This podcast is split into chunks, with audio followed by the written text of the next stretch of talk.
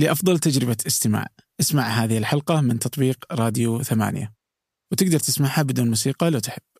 هذا البودكاست برعاية شركة صفا ومنصة سلة للتجارة الإلكترونية. ما يجوز أن نقول آه، فلكي آه، يتوقع آه، مطار أو برد أو حر إحنا نلبس الأبيض ونشغل المكيف ونشري الايس ونشلق الجح وننتهي ونضف مشالحنا والفرا والدفايات قبل ال 21 يونيو تقريبا شهرين اذا ليش تقولون إذا بدأ الصيف العالمي 21 يونيو يقولون طيب الأيام اللي قبل وصلنا 42 43 وصيف هذا وشو؟ تسخين ذا يعني تسخين للصيف؟ عام 20 ألف سيلحق. الهجري الميلادي باليوم وبالشهر وبالسنة. هذا الرقم المميز والتاريخ المميز. إن أردت أن تزوج أبو عمر بالتاريخ هذا. أهلا. هذا فنجان من ثمانية وأنا عبد الرحمن أبو مالح. آه هذه الحلقة عن التغير المناخي. في ناس تقول إنه كذب ومعظم العلماء يقولوا إنه حقيقة. وإن لم نتدارك الوضع فالعالم سيتغير تغيرا لم تعش البشرية من قبل. هذه الحلقة آه، عن هذا الموضوع مع ضيفي الدكتور عبد الله المسند الحاصل على الدكتوراه في التغير المناخي والأستاذ في آه، المناخ في جامعة القصيم سابقا. أما الآن لنبدأ.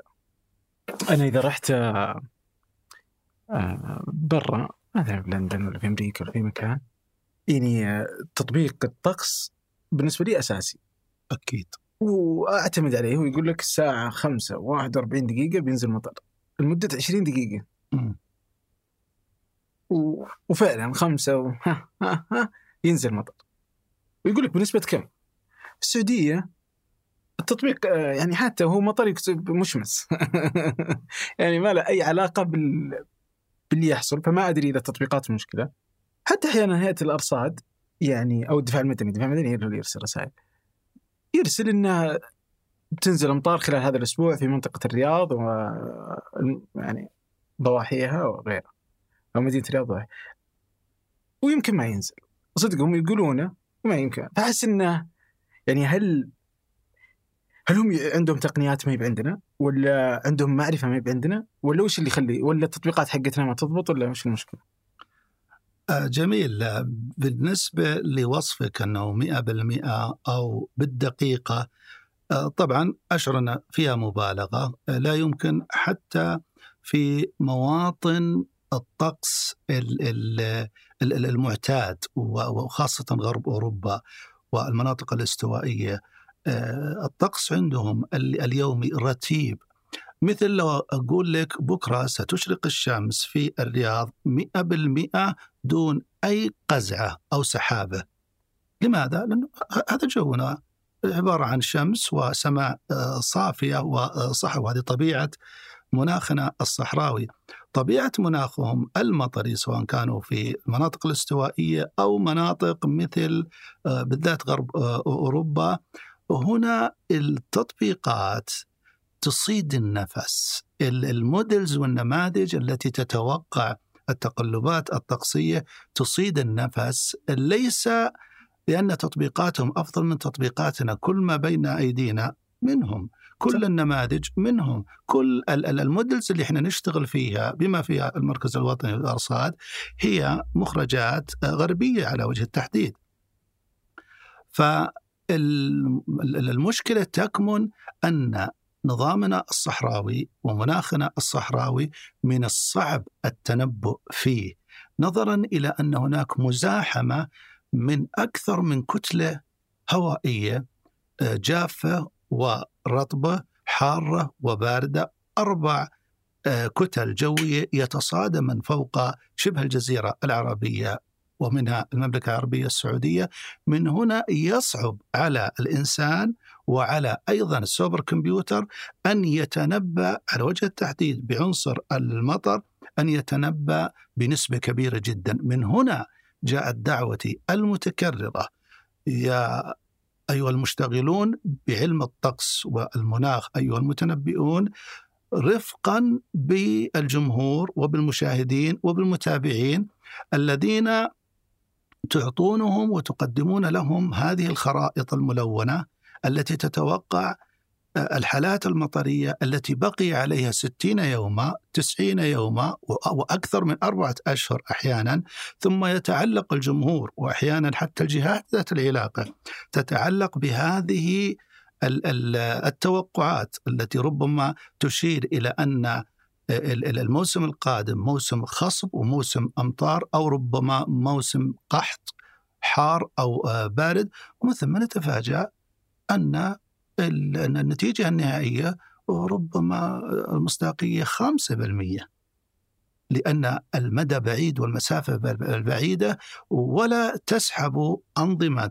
أوروبا أو أنظمة المناطق الوسطى على أنظمة المناطق آه، ذات الضغط الجوي المرتفع كالمملكة العربية السعودية أو منطقة الشرق الأوسط.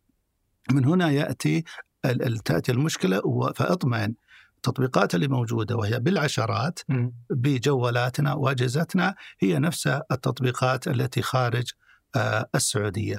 لذلك أقتصر آه، غالبا في التنبؤات. عندما كنت أتنبأ ولا الآن توقفنا التزاما لنظام الأرصاد الذي بقي عليه إصدار آه، التصاريح. عندما كنت أتنبأ وأكتب هذا في حساباتي في ال social media لا أتجاوز ثلاثة أيام خمسة أيام إذا كانت ال models الأمريكي والأوروبي والألماني والبريطاني الكوري إذا كانوا قد أجمعوا على أن هذه الحالة آه، قوية وأيضا تكرر في أكثر من يوم و ال output لل models جالسة تؤكد أن الأمطار ستكون في منطقة الرياض على سبيل المثال. هنا ممكن أبشر مع الحذر. ممكن أبشر الجمهور مع الحذر آه، في خمسة أيام هذا قليل جدا. ونسبة كم تكون آه، دقيقة؟ خمسة أيام ما تصل ولا خمسين بالمية. والدليل على ذلك أنا أخاطب الجمهور إذا أنتم أنتم مصدقين خذ التنبؤ الموجود في أي موديلز وليكن مثلا البريطاني وهو قريب ودقيق. خذوه اليوم التنبؤ حق اليوم صوره ثم التنبؤ بكرة وبعده للأيام القادمة. سوف تجد أن الأمطار مرة يضعها على الرياض مرة يسحبها على الحساء مرة يرفع الحفر الباطن. وإحنا ما نلومه معقد جدا موضوع التنبؤ. وأكبر وأعقد واغلى الكمبيوترات في العالم. ليست لوكالة الفضاء الأمريكية ناسا للفضاء وليست لوكالات الاستخبارات الأمريكية وليست للأطباء وليست لسوق وأسواق الأسهم. أكبر الكمبيوترات هي للتنبؤات الجوية. تعادل تقريبا ثلاث تريلات مصفوفة مع بعض. التبريد من فوق إلى تحت من, من جميع الجهات نظرا للاحترار الشديد في في المعالج ويعطيك المخرج أربع مرات في اليوم أو مرتين في اليوم كل 12 آه، ساعة لأنه جالس آخذ لك كوكب الأرض كله. وأي تأثير أو أثر في اليابان راح يدفوا على آسيا وآسيا تدفوا على منطقه الشرق الأوسط. بمعنى أنه إذا مثلا وطيت شوكه أو ما شابه ذلك الجهاز العصبي عندك كله ينتفض مع أن الأثر فقط في إصبع بسيط جدا، الكرة الأرضية عندها الجهاز العصبي هذا لدرجة أنه لو تم تلويث منطقة بسيطة في خليج البنغال تأثرت معظم البحار، ولو تم آه، حصول عاصفة غبارية في الصحراء الكبرى تتأثر يتأثر الأمازون لأنها آه، كوكب واحد آه، وحي وحيوي آه، من هنا تأتي مسألة التوقعات المناخية. وأختم بآخر تعليق دراسي قبل تقريبا ثلاث أسابيع عندما علقت الدراسة في مكة من خلال مركز الأرصاد السعودي الفوركاستنج لاقل من 24 ساعة. مو يوم أقل من 24 ساعة. تمام؟ وعلقت الدراسة. أنا كنت هناك في مكة. الأجواء صافية صحو. فما استطاع مركز وليس شخص أو هاوي أنه يأتي ب آه، بنسبة كبيرة من الثقة. وما تغيرت الأجواء إلا تقريبا في فترة المساء.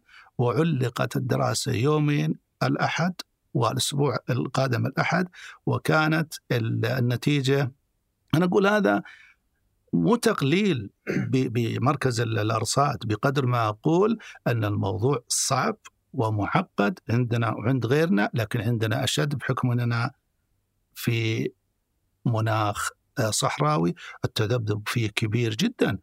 آه، سنة من السنوات ممكن تسقط عليك هنا في الوسطى 350 إلى 400 وإن كان قليل آه، مليمتر في السنة في الموسم وسنه ما يجيك إلا 30 لو افترضنا ان راتبك أبو عمر 20000 مثلا في الشهر تخيل مرة 100000 ومرة 1500 كيف تبي تتصرف؟ تذبذب كبير جدا. بينما لو كنت تشتغل مثلا في أوروبا لا راتبك يتراوح ما بين 18 إلى 22 شفت تذبذب بسيط جدا وما ذاك إلا بسبب طبيعة الموقع الفلكي. الذي نحن آه، فيه. نعم. فيعني الآن أنا أتوقع أن التطبيقات يعني هذا تحليلي للفكرة. أن التطبيقات يعني إحنا في الأخير نستخدم مثلا تطبيق الطقس الموجود في الآيفون ولا في أي جوال ثاني وأن التطبيقات هي تأخذ من مراكز بيانات. فهي نفسها يمكن تسوي بس تحليل بسيط أو يعني قراءة بناء على التاريخ لكن قلت يمكن أن الخلل من. فأتوقع إنهم يأخذون من مراكز الارصاد السعودية أو في منطقة في الجزيرة العربية ومن ثم إن لضعف النتائج اللي تطلع من عندنا تصير التطبيقات ما تقدر تقيس شيء.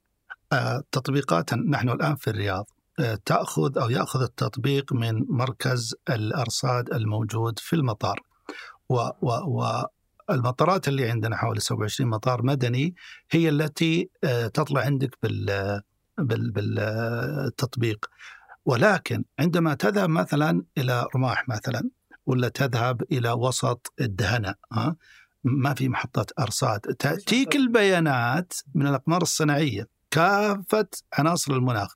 الضغط الجوي ويأتيك الرياح واتجاه سرعة الرياح وهبات الرياح ونسبة الأمطار. الشروق والغروب الشغلات الفلكية.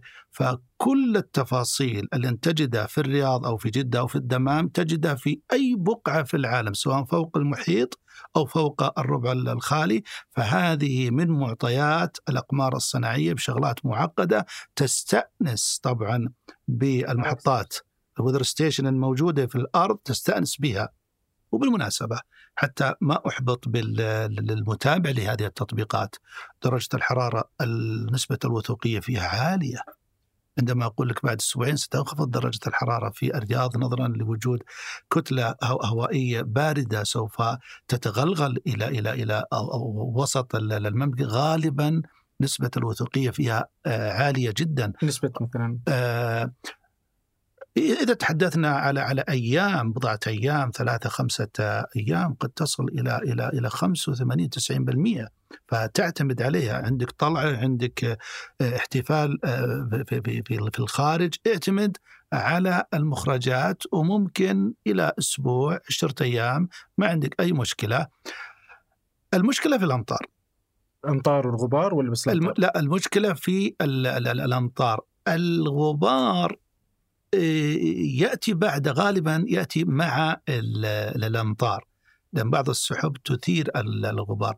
فإذا عندكم مثلا مناسبة في الخارج وأنا عندي توقعات إن الرياض ستكون هناك منخفض جوي متوسطي أو منخفض آه، السوداني راح يؤثر على المنطقة وراح يكون في أمطار. النماذج تعطيك التوقع وتعطيك أيضا سرعة الرياح واتجاه الرياح وتعطيك توقعات نسبة إثارة الغبار وأن كانت أيضا فيها تعقيد ليست كمعرفة درجة الحرارة أو معرفة آه، درجة الرطوبة أو نقطة الندى أو بقية العناصر. آه، لذلك إذا كان هناك سحب حتى لو ما كان في أمطار فقط وجود السحب أحيانا الرياح الهابطة التي تضرب الأرض وتنزل من آه، السحب الركامية تثير الغبار في المنطقة المستهدفة ومن ثم يتجه الغبار في كل الاتجاهات. بالضبط بشكل دائري بشكل دائري. طيب ليش مراكز الأرصاد في المطارات؟ في كل العالم لا يمكن أن تنشئ مطار إلا مقرون بمحطة أرصاد. لأن الطيران علاقته بالأجواء والتقلبات الجوية علاقة قوية جدا. ولا يمكن الطيار أنه يقلع بالطائرة حتى يقرأ التقرير المترولوجي والطيارين ومساعد الطيار كلهم فاهمين في علوم الطقس ربما أكثر من المتخصص في في في الأرصاد الجوية بحكم إنه في الميدان.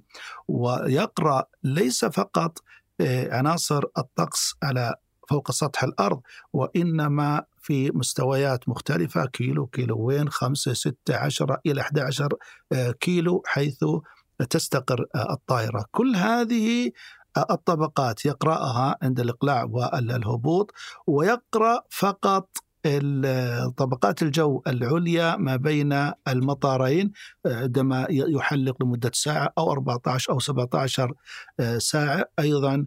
بل أن مقدمة الطائرة لو تم فتح المقدمة سوف تجد رادار دوبلر. هذا الرادار جالس يمسح لك الطريق لمسافة تصل إلى 250 كيلو. فهم يشوفون السحب ولذلك أحيانا تحصل الطائرة الدولية يعني مثبتين المسار والدايركشن إلى المطار المستهدف. فجأة وإذا بالطائره تميل إلى اليمين أو إلى اليسار. طالع من خلال النافذة. إذا كنت في النهار سوف تجد أنه جالس يعني يتحاشى جبل بارز عبارة عن سحب ركامية عظيمة جدا. بارزة من من بين السحب الطبقية. طالع أحيانا إلى 12 13 14 كيلو. هذا طبعا ما يدخل الطيار آه، مغامرة فلا بد أن يتحاشاها ثم يعود لمساره مرة آه، أخرى. فالمحطات لابد أن تزرع وتبنى قبل أن يبدأ المطار بل الذين يخططون لإقامة المطار عندهم خلفية عن الموقع هذا. هل هو مناسب؟ لذلك لا تجد المطارات قريبة من السلاسل الجبلية. فإذا اضطروا إلى إقامة المطار قريبا من السلاسل الجبلية إذا اضطروا سيكون المطار هذا مزعج ومحرج للطيارين وأيضا للركاب آه، بسبب الرياح التي تصطدم في الجبل أو التي تنزل من الجبل أو الظروف المتباينة ما بين الوادي أو الأماكن السهلية التي فيها المطار وما بين الجبل. فهناك تباين كبير بدرجة الحرارة. هذا يزعج الطيار. ما في تجانس في الهواء. فتجد أن المطارات موجودة في الأماكن المبسوطة. لذلك مطار أبها ومطار المدينة على وجه التحديد دائما ينزعج ينزعج الراكب من هذين المطارين. والله أعلم. كشفت حرب غزة حاجتنا لخدمة إخبارية موثوقة خصوصا مع انتشار الشائعات والأخبار المزيفة. فصحيفة الشرق الأوسط تقدم عبر منصاتها تغطيات حية لكل جديد وتحليلات عميقة وآراء متخصصة. عشان تعرف آخر الأخبار من مصدر موثوق تابع الشرق الأوسط صحيفة العرب الأولى.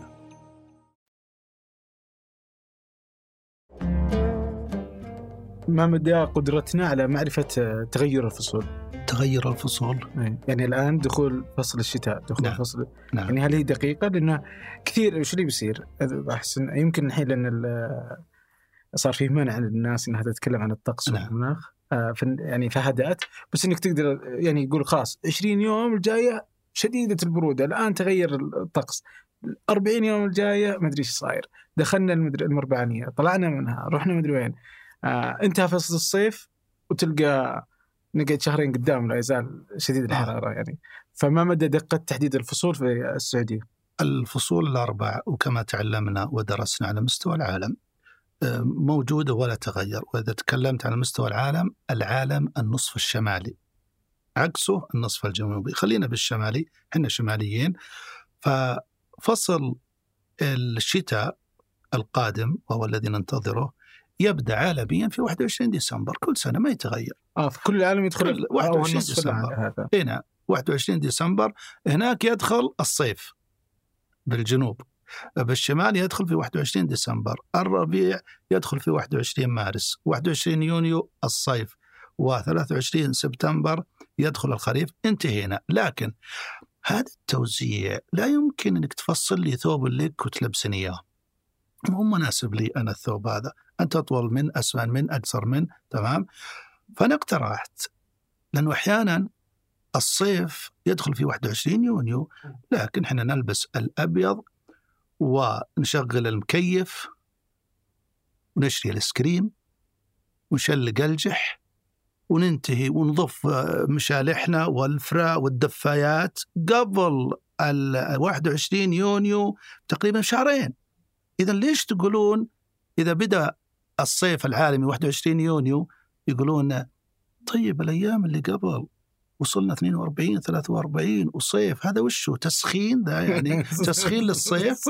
أنا أقول لهم بناء على تتبع درجة الحرارة كمعيار للمملكة واستثني بذلك الجنوب الغربي لأنه له system خاص جبال السروات. بقية مناطق المملكة ممكن نقول من مايو شهر خمسة يدخل الصيف عندنا من مايو ويونيو يوليو August وسبتمبر كم صارا؟ خمسة. أشهر بينما العالم وخاصة الشماليين ما عندهم إلا ثلاثة أشهر. حنا فصل الصيف الحقيقة بناء على التكييف بناء على درجة الحرارة بناء على إحساسنا وأكلنا ولبسنا آه خمسة أشهر من مايو إلى سبتمبر. الآن نحن في, في أكتوبر دخلنا فصل الخريف بناء على التقسيم المقترح من عندي. دخلنا فصل الخريف أعطيت الخريف فقط شهرين. الخريف أعطيته آه، أكتوبر وأعطيته أيضا نوفمبر 10 و11 الشتاء طيب معلش خليك في الخريف. نعم. هل الخريف عندنا يختلف عن الخريف عندهم؟ يعني عندهم تتساقط الأشجار. اي نعم. إحنا ما يصير شيء. بعض الأشجار ممكن نخليها تتساقط. لا لا بس هي يعني موجودة وش وش. وش سمات الخريف في الجزيرة العربية؟ سمات الخريف عندنا وعندهم اعتدال الأجواء وخروجنا من الأجواء الحارة الصيفية ودخولنا إلى أجواء معتدلة وبداية الأمطار النظام ال- ال- ال- الشتوي لحد ما أو الخريفي. نعم. فأنا أعطيته آه، أكتوبر ونوفمبر. إذا دخلنا 1 ديسمبر بالمناسبة 1 ديسمبر تدخل المربعانية على بعض الحسابات خاصة حساب من بسام. 1 ديسمبر يدخل الشتاء حتى ارصاديا يا- يدخل 1 ديسمبر يدخل الشتاء فأنا أعطيت الشتاء ديسمبر ويناير فبراير ثلاثة أشهر بس. بناء على درجة ال- ال- الحرارة اي نعم تاكل حنيني وفريك ها والدفاية وحطيبات وضوء وكشتات و... يعني ثلاثة أشهر تكفيكم ولا لا؟ خير. مقبولة، خير وبركة إي نعم آه ثم الربيع آه الربيع اعطيته طال عمرك مارس وأبريل ثلاثة واربعه شهر ثلاثة واربعه هذا لفصل الربيع. والربيع حقيقة ممكن أيضا يدخل في جزء من فبراير. ليست هي المسألة حدية وبالمسطرة ولكن اجتهاد اجتهاد. التقسيم هذا أقرب للواقع ومتناغم مع لبسنا مع التكييف أو التدفئة أو الأكل لأن الشتاء له أكل غير آه، الصيف، آه، الصيف. ما أدري أنت تأكل بال بالشتاء الايس كريم أبو عمر لا بس أكل عريكه طول السنة.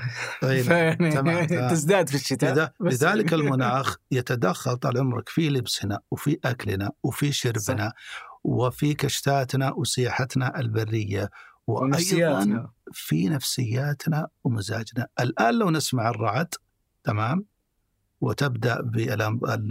ال- ال- المطر يهطل أنا أجزم كل موظفين كيف يطلعون يخلوننا. أولهم المصور.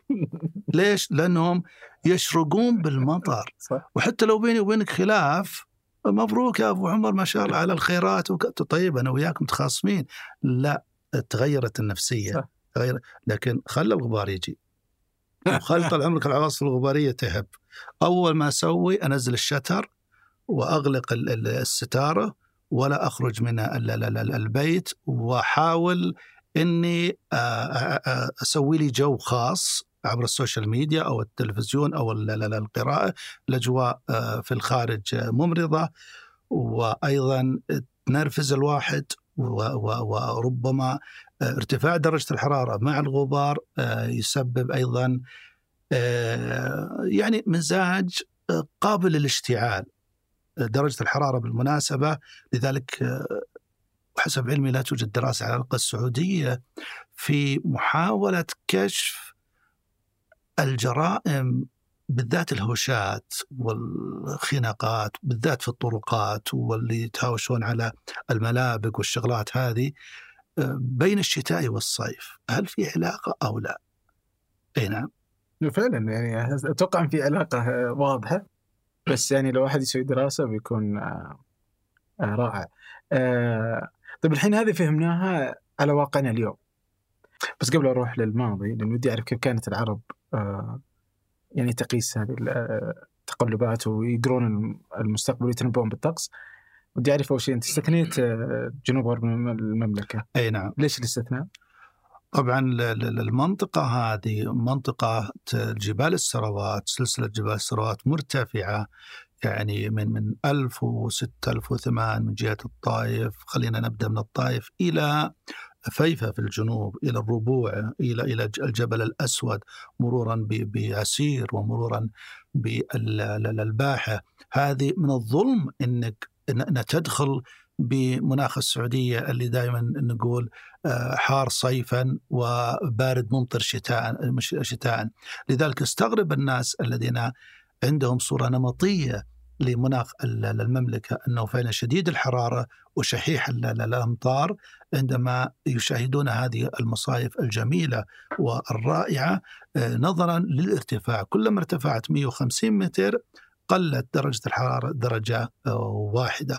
فإذا ارتفعنا إلى ثلاث آه، آلاف متر سوف نعيش بأجواء تصل في الصيف. أتكلم في عز الصيف إلى أجواء ثلاثينية بحر الثلاثين وأحيانا 29 27 بينما تطل على تهامة أسفل منك بيننا وبينهم 12 درجة تقريبا 12 درجة مئوية إضافة إلى أن السحب تتشكل ما بعد منتصف النهار بسبب الرطوبة القادمة من البحر الأحمر ومن إثيوبيا وأجزاء من بحر العرب تدفعها الرياح ممكن نقول الموسمية ثم تصطدم بالجبال ثم تتشكل آه، السحب كنظام آه، سنوي آه، رتيب وجميل ورائع وأتمنى بهذه المناسبة وأنا أقود السيارة ما بين آه، الطائف وال- وال- والباحة قريبا من بني سعد وميسان.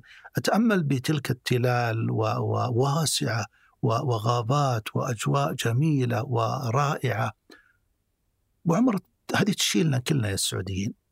يعني ال- ال- ال- المنطقة مثل الباحة فقط فقط الباحة أو عسير ممكن تشيل كل السعوديين.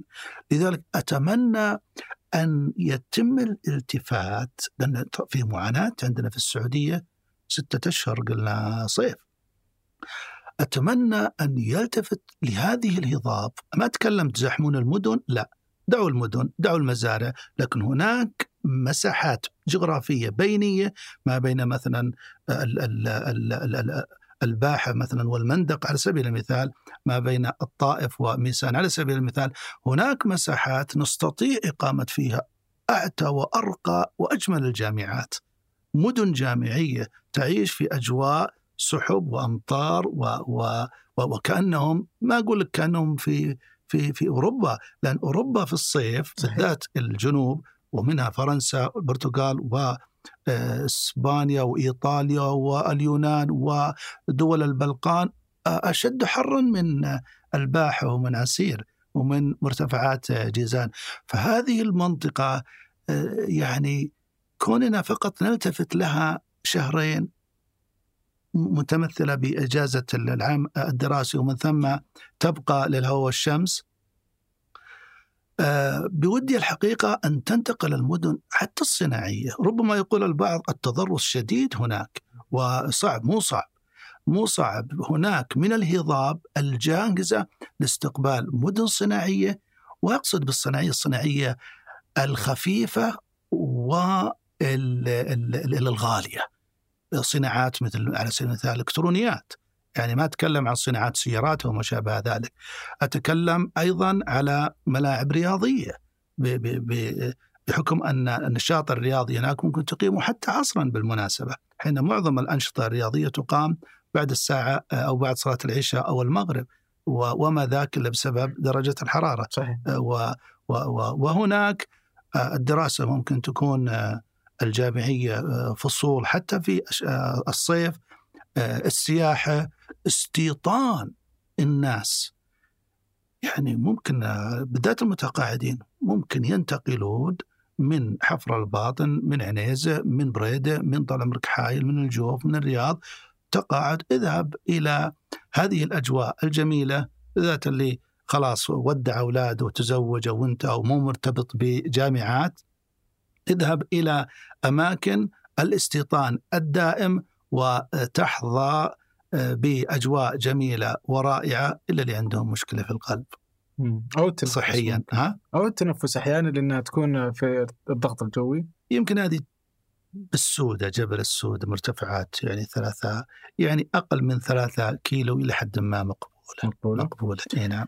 عندنا الحين يعني أحس عسير من الأماكن اللي الآن عليها اهتمام في قمم السودة مشروع الأخير.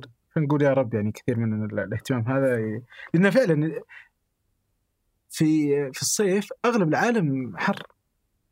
بينما لو تروح الباحة تروح عسير يعني الجو معتدل جدا ورائع آه، يعني عكس بقية العالم آه طيب الحين برجع لكيف كانوا العرب ودي أعرف كيف كانوا يقيسون آه أو يتنبؤون بالطقس قديما قبل التقنية قبل مم.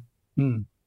العرب ونظرا لأن قدرهم الكوني قد استوطنوا في مثل هذه الصحاري فهم أكثر الناس تتبعا للتقلبات الجوية كما أن اصحاب الغابات والمواقع الباردة يبارك بعضهم لبعض عندما تشرق الشمس لأنهم محرومين من الشمس بسبب كثافة السحب والأمطار والرطوبة، حنا لا عندنا شغف لتتبع التقلبات الجوية. فمن من الإمارات أنهم استطاعوا أن يستفيدوا من آه، النجوم التي الله سبحانه وتعالى من علينا بها وعلامات بالنجم هم يهتدون. فاكتشفوا 28 منزلة 28 نجم هذا دليلهم آه، وتقويمهم السنوي. تمام؟ فإذا خرج النجم الفلاني مثلا دخل آه، الشتاء عندهم وبدأت الأمطار أو بدأ البرد أو بدأ الحر تقويمهم في السماء تقويمهم آه، في السماء ومضبوط. أيضا إذا دخل الشتاء لا يعني ذلك الأمطار ستحضر شحيح أمطارنا ولكن يتتبعون الرياح.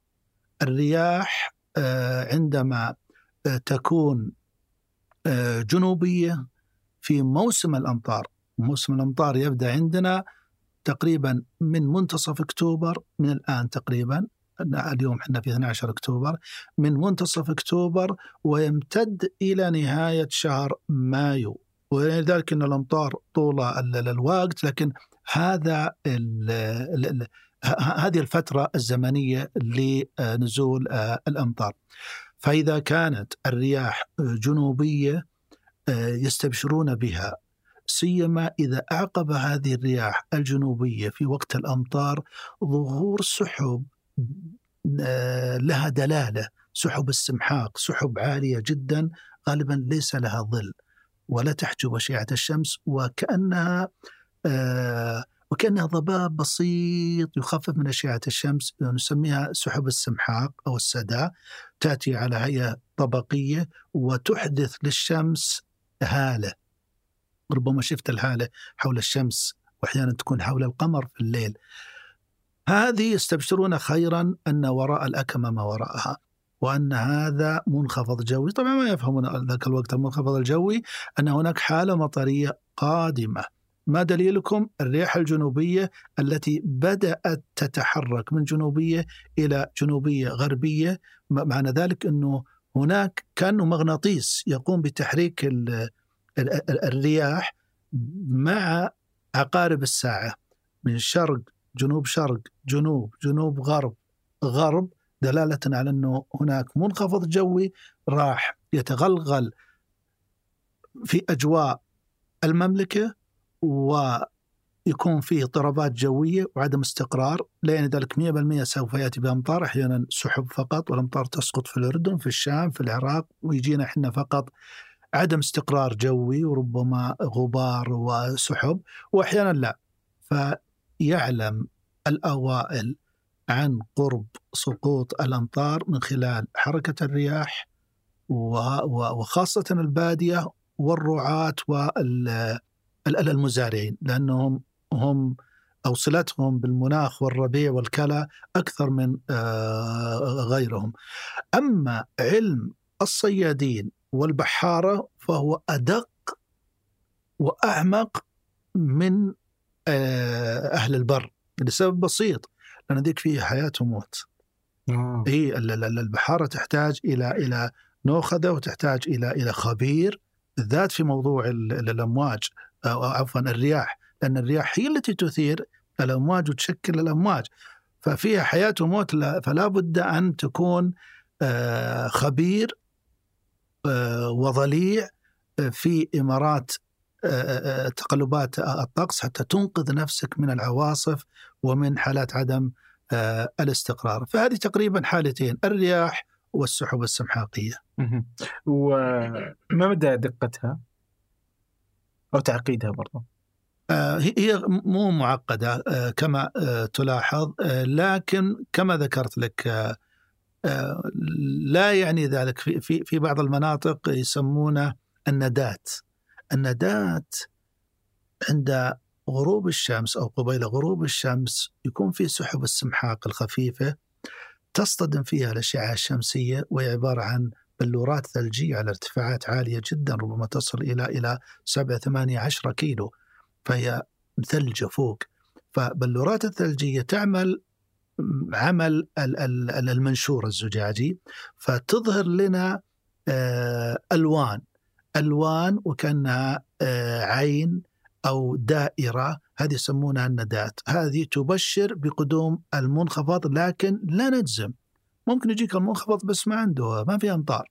الله ما ما امره أن أن أن تمطر وإنما عدم استقرار جوي والرياح وغبار وسحب واحيانا برق ورعد لكن ما تنزل الأمطار والموضوع معقد إن الله عنده علم الساعة وينزل الغيث الموضوع معقد ولا يمكن أحد حتى في المناخات الرتيبة أن يجزم بنزول المطر 100% حتى في وضع ال ال ما يسمى بالاستمطار والله أعلم. طيب لما يجون يقولون يعني الحين أنت تقول إنه الرياح وش كمان اللي تاثر؟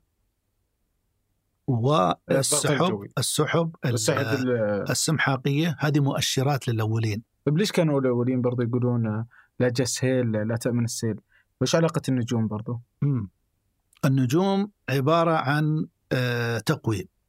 أنت لا يمكن أن الموعد اللي بيني وبينك الساعة 6 صح ولا لا؟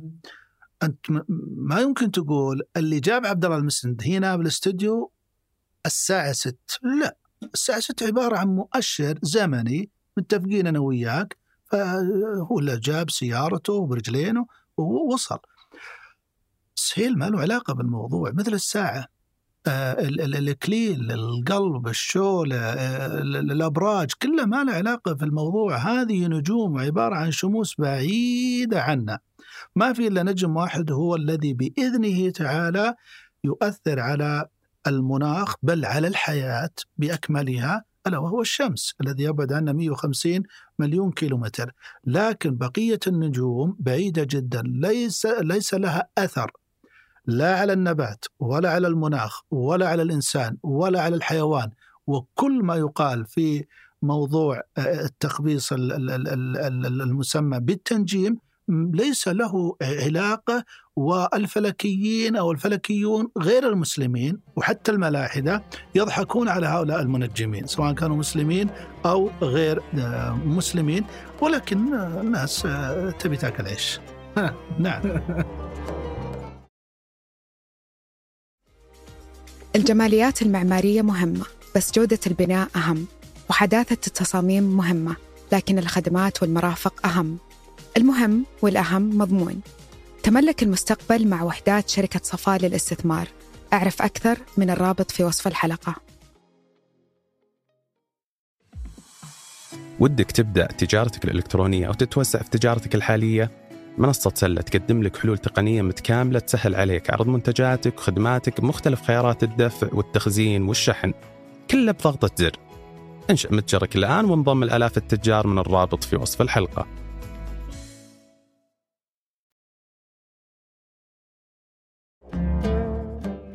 النجوم آه ما لها أي أثر على الإنسان؟ لا وإنما أنا أتخذها كتقويم. فإذا طلع السهيل وهو نجم آه، دري متوقد آه، يشع ومتغير الألوان يطلع في الجنوب الشرقي تمام؟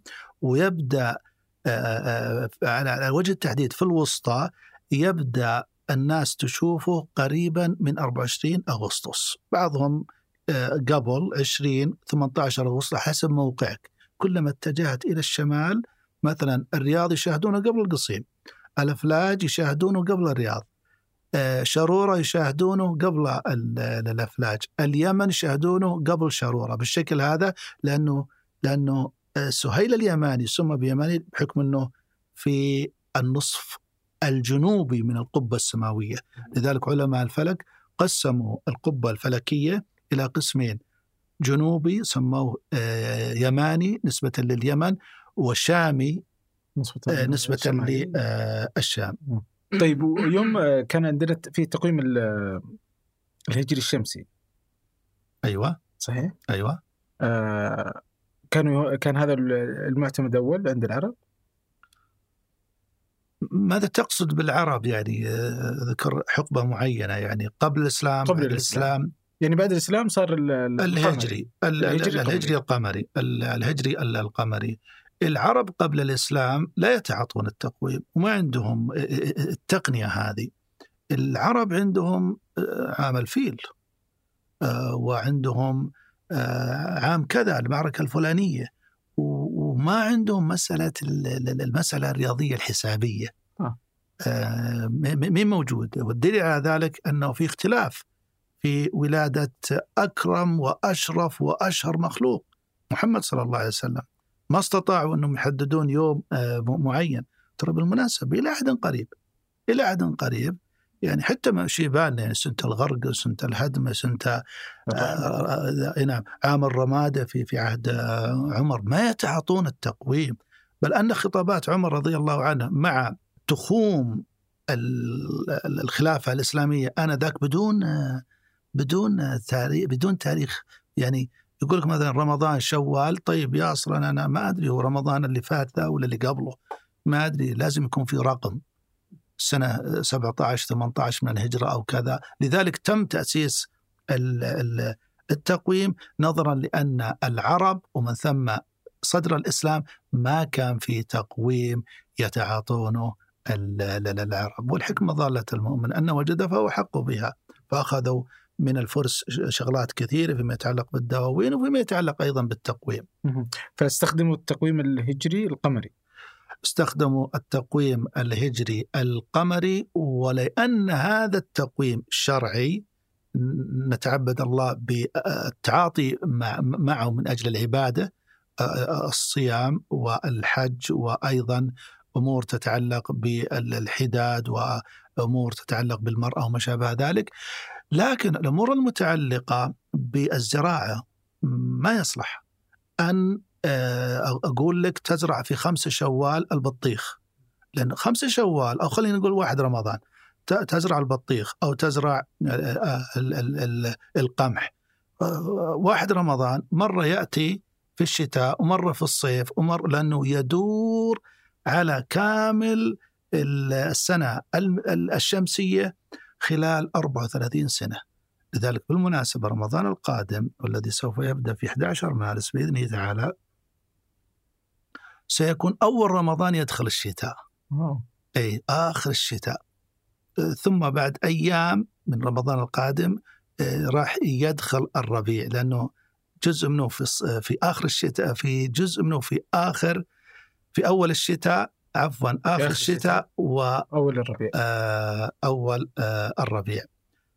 آه، فسيزحف رمضان كل سنة بمعدل 11 يوم يبكر ويزحف آه، القهقري بالوراء. يعني شوف بيدخل مارس في 11 السنة اللي بعده اخصم 11 يوم يبي يبي يدخل طال عمرك في واحد مارس ثم يدخل في فبراير. يرجع بالشكل هذا. فراح نعيش بإذن الله تعالى ثمان تقريبا سنوات آه، رمضان. في رمضان في الشتاء وراح نصوم إن شاء الله آه، عام 50 و52 و53 1450 52 آه، في عز الشتاء في ديسمبر ويناير. بينما الشتاء بينما الحاج سيدخل باذنه تعالى في نهاية الصيف في نهاية في بداية الصيف ونهاية الربيع. يبدأ يدخل في الربيع. سيمكث في الربيع تسع سنوات. ومن أراد أن يحج في الشتاء يصبر إلى عام 1957 و58 علشان 400. يدخل 1400 عفوا و57 58 في عز الشتاء في ديسمبر في يناير. وإلا احصائيا أو وفقا للفصول راح يدخل آه، الحج في ال- الشتاء تقريبا عام 54 1454 إي نعم. بإذن الله. بس يعني كان قبل التقويم الهجري كان عندهم الأشهر صح؟ مم. الأشهر موجودة قبل الإسلام. هي نفسها اللي آه،. اعتمدت؟ نعم اعتمدت ما ما تغيرت ما تغيرت. عندهم ذي الحجة وذي القعدة وما تغيرت. إي نعم فكانوا في يوم اعتمد التقويم الهجري القمري آه كانوا المزارعين يستخدمون التقويم الهجري الشمسي اللي هو الميزان و... اللي هو الأبراج نعم ال- الأبراج هذه تعادل الشهور برج الميزان والاسد والسنبلة والعذراء والشغلات هذه هذه أبراج في السماء تجلس الشمس في كل برج 30 31 آه، يوم تمام؟ وهي المعمول فيها خاصة في العراق وفي الشام إلى الآن بالمناسبة. إلى الآن آه هذا التقويم مفعل آه آنذاك. وأيضا المسلمين الذين يتحرجون من التقويم الميلادي تمام؟ ولا ممكن نسميها الشمسي الميلادي آه ذهبوا إلى تقويم شمسي يعتمد على البروج. إي نعم. بل وهناك تقويم شمسي تشوفه أنت بتقويم أم القرى. آه ها نقطة شين هجري شمسي بتقويم أم القرى. وبدأ الحساب من هجرة النبي صلى الله عليه وسلم بالقمري وبالشمسي. جميع. لكن وصلنا بالقمري 1445 الهجري وصلنا الآن تقريبا 1402 أو كذا. ليش تأخر هذا؟ لأن هذا طول سنته 365 يوم بينما القمري طول سنته 354 يوم. لذلك من المفارقات ومن الطرائف عام 20 ألف يعني كم باقي عالية باقي عالية حول 19 ألف عام 20 ألف سيلحق الهجري الميلادي وراح نكتب التاريخ واحد عشرين ألف عشرين أنا نسيت طبعا الكسور في كسور ثم سويت حسبة وطلعت متى يوافق الهجري الميلادي باليوم وبالشهر وبالسنة هذا الرقم المميز والتاريخ المميز. إن أردت أن تزوج أبو عمر بالتاريخ هذا.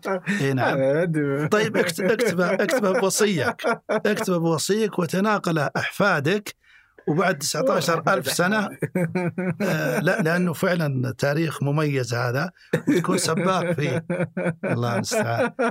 وبعد هذا بالمناسبة يسبق الهجري ويكون أكثر. يسبق الهجري الميلادي فيكون الميلادي آه، آه، أقل أقل. أقل رقم. إي نعم. عجيب والله.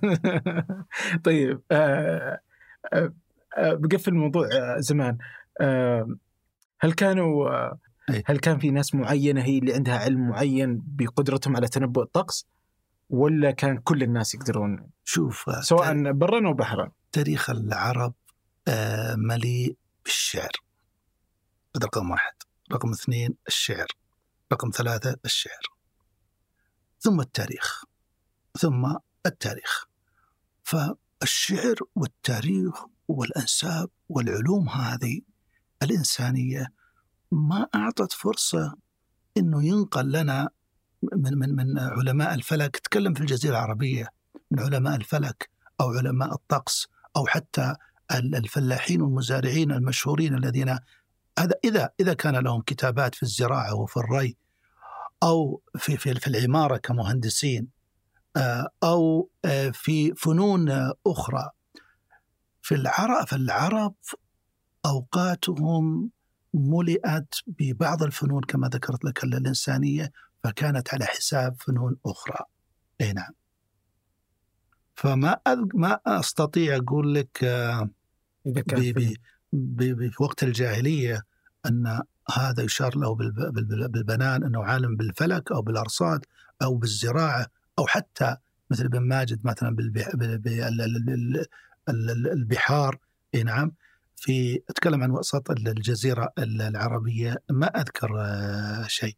أما في العصور المتأخرة آه، كمثلا العيوني وراشد الخلاوي الله يرحمه وتوفي حديثا دكتور صالح العجيري في ال- ال- ال- الكويت آه، في أسماء في أسماء آه، لا بأس فيها ومعظمهم يشتغلون في مسألة الطوالع والنجوم ومسائل محدودة لا يتجاوزونها لعلوم أخرى والله أعلم. طيب إيش علاقة آه، علم الفلك بعلم الأرصاد؟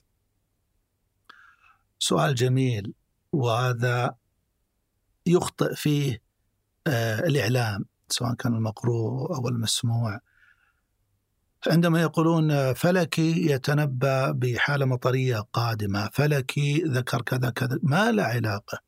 الفلك شيء هذا الأسترونومي والأرصاد شيء المترولوجي.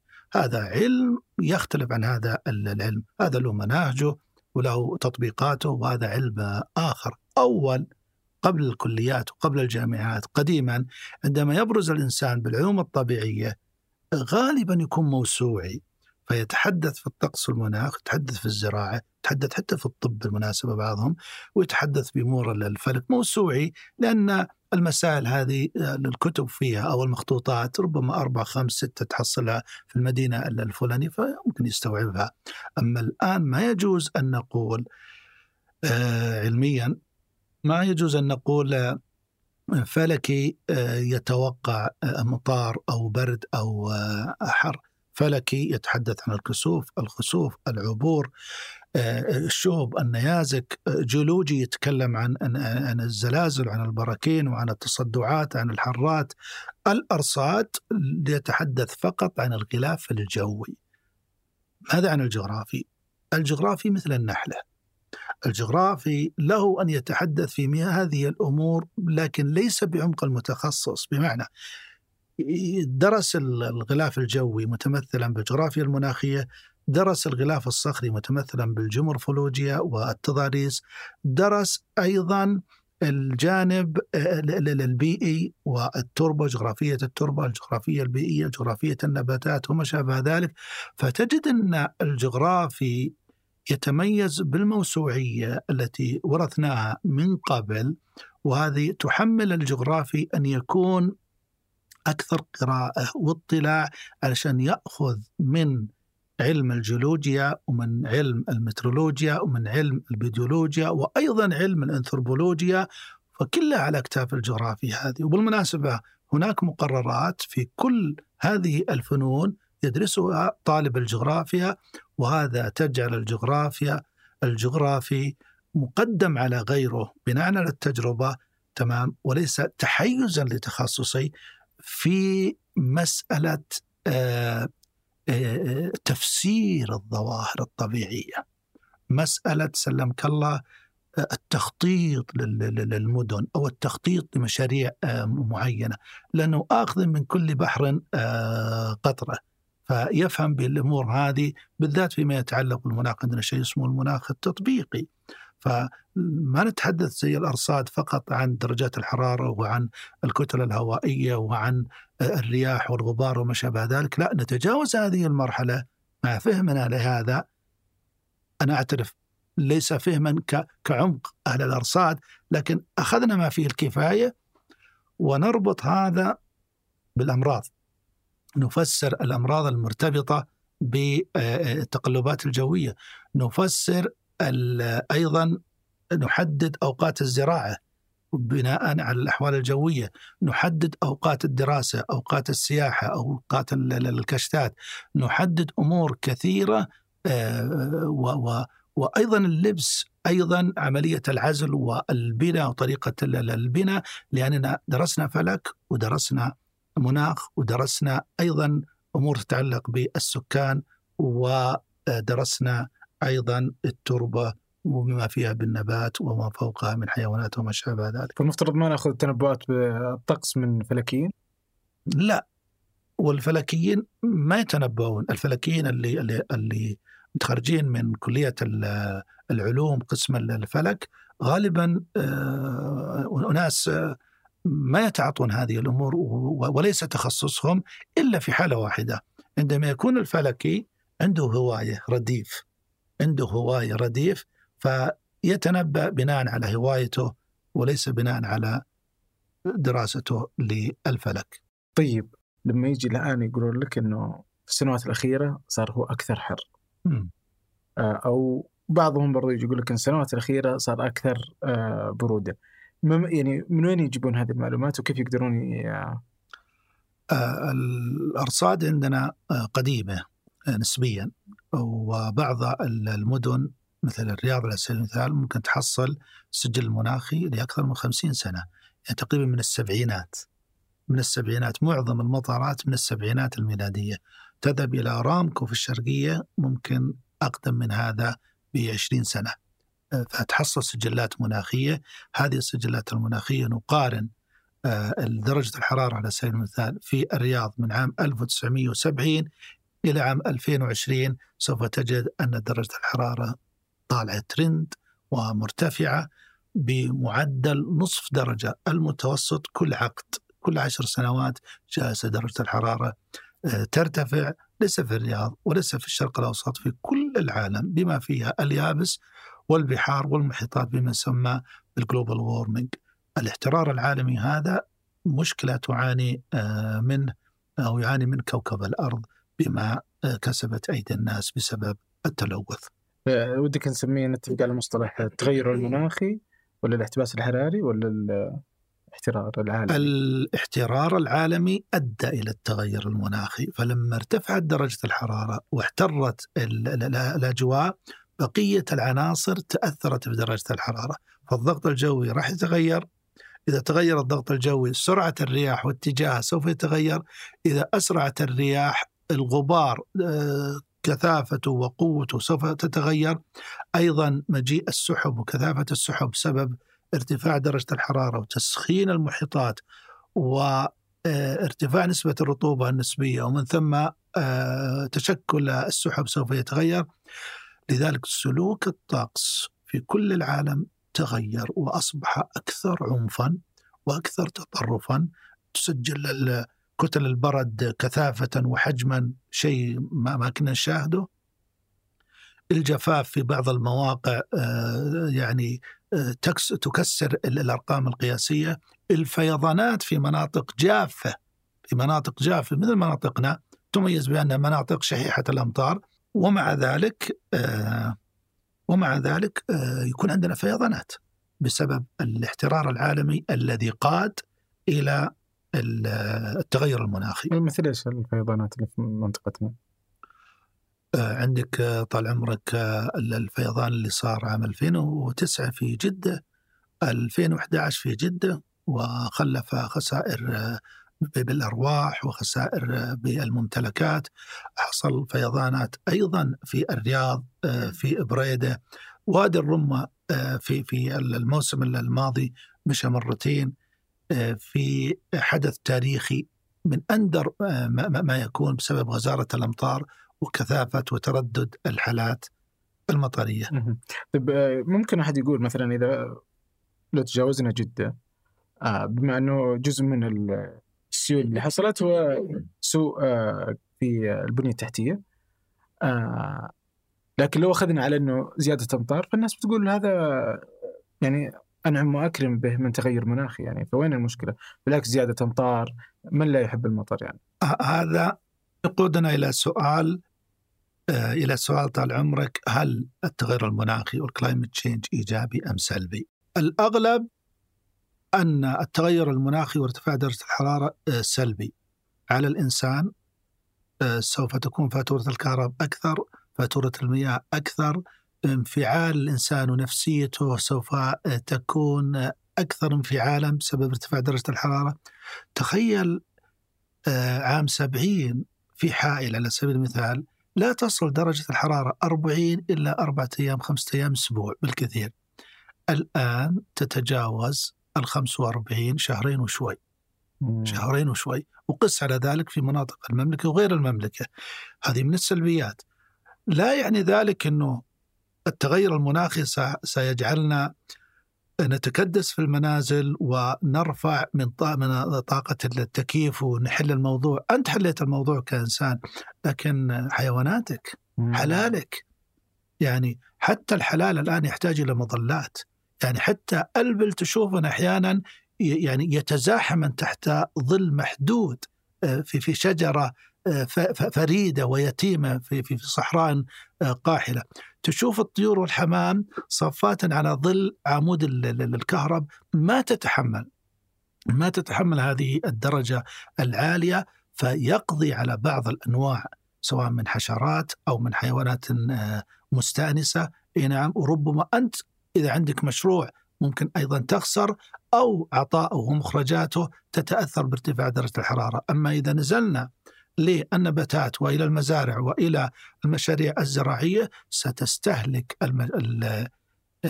النباتات والمحاصيل مياه أكثر وهذا سوف يؤثر على المياه الجوفية وسوف يرفع الفاتورة على المزارع ثم على المستهلك في بالنهاية.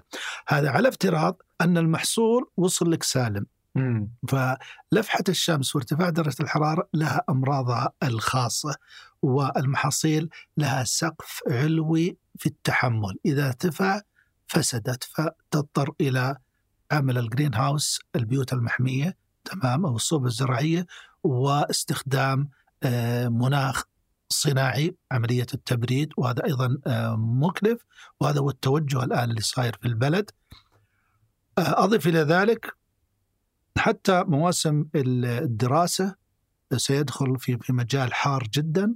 بدايته ونهايته حتى مواسم السياحة سوف تتقلص مواسم أيضا السفر كثير من الناس عندهم حدائق وبساتين ما يقدرون يطلعون برا اللي يمكن ثمانية أشهر يقول أنا ما استفدت من حديقتي نظرا لارتفاع درجة الحرارة حتى في الليل.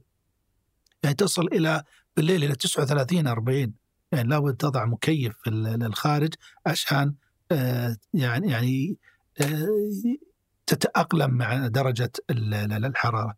من الإيجابيات في هذا السياق ممكن على مستوى المملكة العربية السعودية أنها تزود الأمطار بنسبة تقدر 15% تزود تنقص ولو أكيد لأن بعض الموديل يعطين نتائج سلبية أو لا يوجد تغير وبعض النماذج يوجد تغير بل هذا قادني إلى تفسير الحديث عندما قال النبي صلى الله عليه وسلم لا تقوم الساعة حتى تعود أرض العرب مروجا وأنهارا كيف سوف تعود أرض العرب مروجا وأنهارا؟ عبر أي سيناريو. ذكرت عدة سيناريوهات من ضمنها أنا لا أجزم فيه ولكنه يبقى باب مفتوح وسيناريو مفتوح. ربما العبث الذي أحدثه الإنسان خلال السبعين عقد الماضية عندما لوث ونشر غازات الدفيئة وعلى وجه التحديد ثاني أكسيد الكربون وغاز الميثان. ممكن التغير المناخي يقود أرض العرب والشرق الأوسط إلى أن تنزل عليهم الأمطار في فترة الصيف كما حصل في الصيف قبل العام. فنزلت علينا أمطار لدرجة أن الباذر وبعض النباتات بدأت تظهر في الأرض في الصيف. نعم وانخفضت درجة الحرارة ووصلت الأمطار ليس فقط في الربع الخالي لانها قادمة من الجنوب بالمناسبة. السيستم يختلف عن الشتاء في الصيف. تأتينا بوابة الجنوب بوابة البحر العرب تدفع الكتل الرطبة كما كانت أرض العرب قبل سبع ألاف سنة. الأمطار الصيفية جنوبية المصدر تمام وصلت إلى تبوك قبل العام. فالله سبحانه وتعالى أرانا نموذج مصغر وقصير من مناخ أرض العرب قبل 7000 8000 إلى 10000 سنة وهي الفترة التي أشار لها النبي صلى الله عليه وسلم.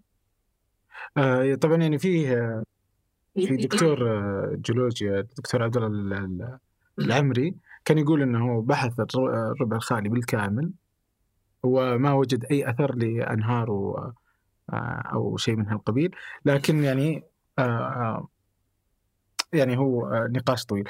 بس بس الحين إذا في في المنطقة عندنا آه، بتزيد الأمطار. أوكي؟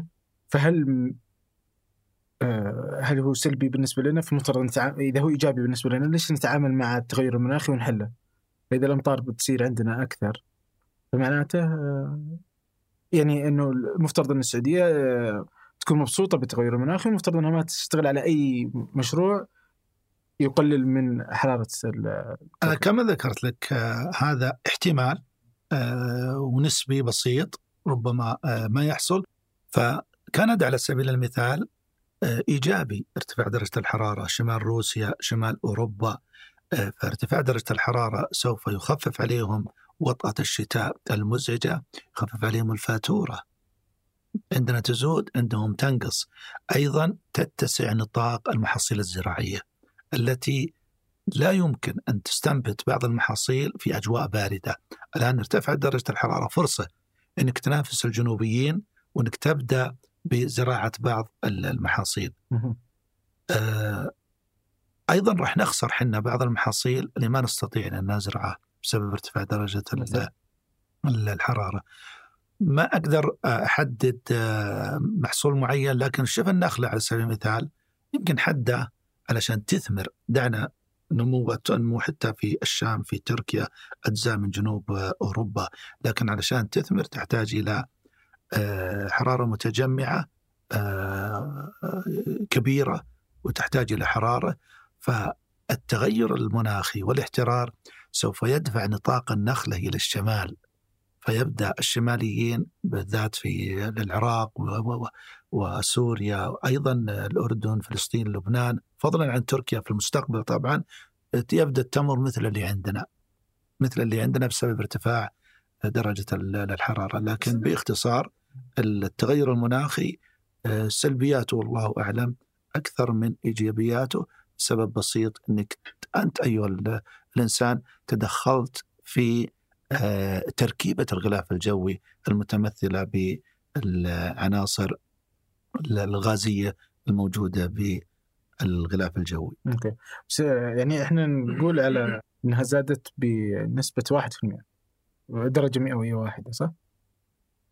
فإذا درجة مئوية واحدة إيش اللي يخلي حايل من أربع أيام آه، إلى أنها توصل شهرين متواصلة من الحرارة يعني درجة مئوية واحدة تسوي كل هذا ابو عمر إذا قلنا درجة مئوية واحدة على مستوى العالم الآن هذا هذا الكلام حول المتوسط. مم. المتوسط السنوي العالمي. لكن تسوي فوكس على الرياض على سبيل المثال الدرجة ذي المئوية راح ترفع درجة الحرارة الكبرى المعتادة 45 46 راح ترفع إلى إنك تذوق ال 49 وال 50 أسبوع أسبوعين.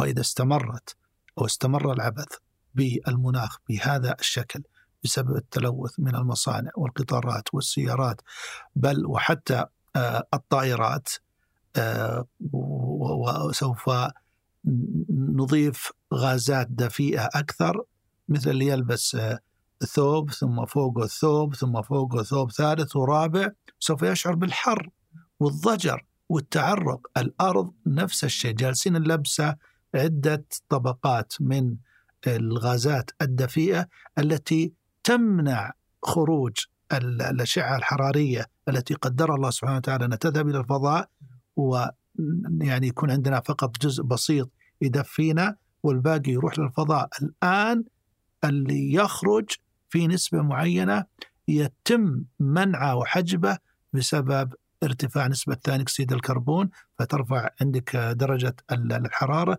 إن استمر الوضع بالشكل ذا كما ذكرت في لقاء قاد آه سابق ربما نصل إلى بحر الستين. والآن سجلنا 54 في العراق أكثر من مرة.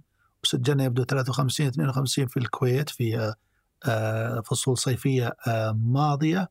الخمسينات أصبحت طبيعية. في المنطقة نعم فربما بعد عقدين أو ثلاثة عقود نصل إلى هذه الدرجة المزعجة والمحرجة وأيضا الممرضة في الواقع لنا حنا كإنسان وأيضا الحيوان والنبات إلا أن يشاء الله سبحانه وتعالى وتتغير الأمور بصورة أو آه، بأخرى أوكي. طيب ليش دائما يقولون أنه في 97% من العلماء هم اللي متفقين على وجود فعلا تغير مناخي في ثلاثة لا يرون بالتغير المناخي. التغير النسبة هذه طال عمرك والاختلاف هذا مو موضوع التغير المناخي. الآن عندنا تغير مناخي وهذا يتفق عليه كثير من الناس أنه في تغير مناخي. اللي ما اتفقنا السبب. آه. من هو سبب التغير المناخي؟ الثلاثة بالمية يقولون لا. سبق أن الأرض ارتفعت درجة الحرارة أعلى مما هي عليه الآن وهذا صحيح بالمناسبة. ودورات تدور حول الأرض. وسبب الارتفاع هذا ليس بشري وإنما طبيعي، بعضهم يوعز إلى الشمس وهي بريئة وبعضهم يوعز إلى أمور في كوكب الأرض. وأن الإنسان بريء من هذا وأن وراء الأكمة ما وراءها. والغرب على وجه التحديد والدوائر الغربية العلمية مع السياسية تحاول ضرب منتجي النفط على وجه التحديد الخليج عندما آه، يقولون أن سبب ارتفاع درجة الحرارة آه، النفط وإحراق الوقود الأحفوري. وهؤلاء في الواقع غافلوا وغفلوا عن إحراق وما زالوا في الولايات المتحدة وفي أوروبا وعادوا بعد حرب أوكرانيا إلى استخدام الفحم في توليد الطاقة الكهربائية وهي أشد فتكا بالغلاف الجوي وهم أكثر منا استخدام للنفط وهم الدول الدول الصناعية وهم الذين يصنعون وبالتالي لا ترمى لا ترمى التهمة على دول الخليج. وهذا الذي جعل الناس بعض الناس ينكرون التغير المناخي ويقولون أنه مؤامرة. في الواقع ليست مؤامرة بقدر ما أن الدوائر السياسية آه، الغربية يحسنون الركوب مع الأحداث ومع بعض الوقائع ويوجهون الدفة لصالحهم. فالتغير المناخي صحيح. إذا نأخذ هذا الموضوع ونضرب بها أعدائنا أو الذين ينافسوننا أو من أجل آه، أن نبتزهم بكثير من الضرائب آه، في هذا. فهذا أتفق آه، معكم أن الدوائر الغربية ركبت هذه الموجة ووجهت الموضوع لصالحها لكن لا يعني ذلك أنك تنكر الاحترار اللي صاير والتغير المناخي. مسألة اللي سببه الإنسان أو الشمس والطاقة الشمسية الواصلة أو أو غيره هذا أمره هين. هذا أمره آه، هين. لكن دعنا نتفق إنه في تغير آه، مناخي. ويكفي 97% آه، يكفي. بل أن حتى على مستوى الإدارة السعودية عندما أوجدت يعني مؤتمرات تتعلق بالتغير المناخي بل وعينت وزير الخارجية الأسبق آه، عادل الجبير المسؤول عن هذا الملف التغير المناخي دلالة على أن الإدارة السعودية آه، مؤمنة بهذه المشكلة والمسألة ليست مؤامرة آه، كما يقولون. هناك وزارات وزارات وزارة التغير المناخي في بعض الدول العربية والكل يشتكي من هذا الموضوع فهي حقيقة ملموسة ومقيوسة ومدروسة ومصورة أيضا فلا آه، تقلق بشأن موضوع المؤامرة وما شابه آه، ذلك والله أعلم. طيب الآن من الناس اللي يقولون إنه مو بالإنسان ناس معتبرين يعني حز آه، حازوا على جوائز نوبل وغيرها. فاللي يقولون إنه هذا جزء طبيعي من دورة حياة الكرة الأرضية. إذا كان طبيعي فأكيد ما نقدر نغير شيء. يوم يكون طبيعي قبل مئات السنين وآلاف السنوات ما كان بهذه السرعة.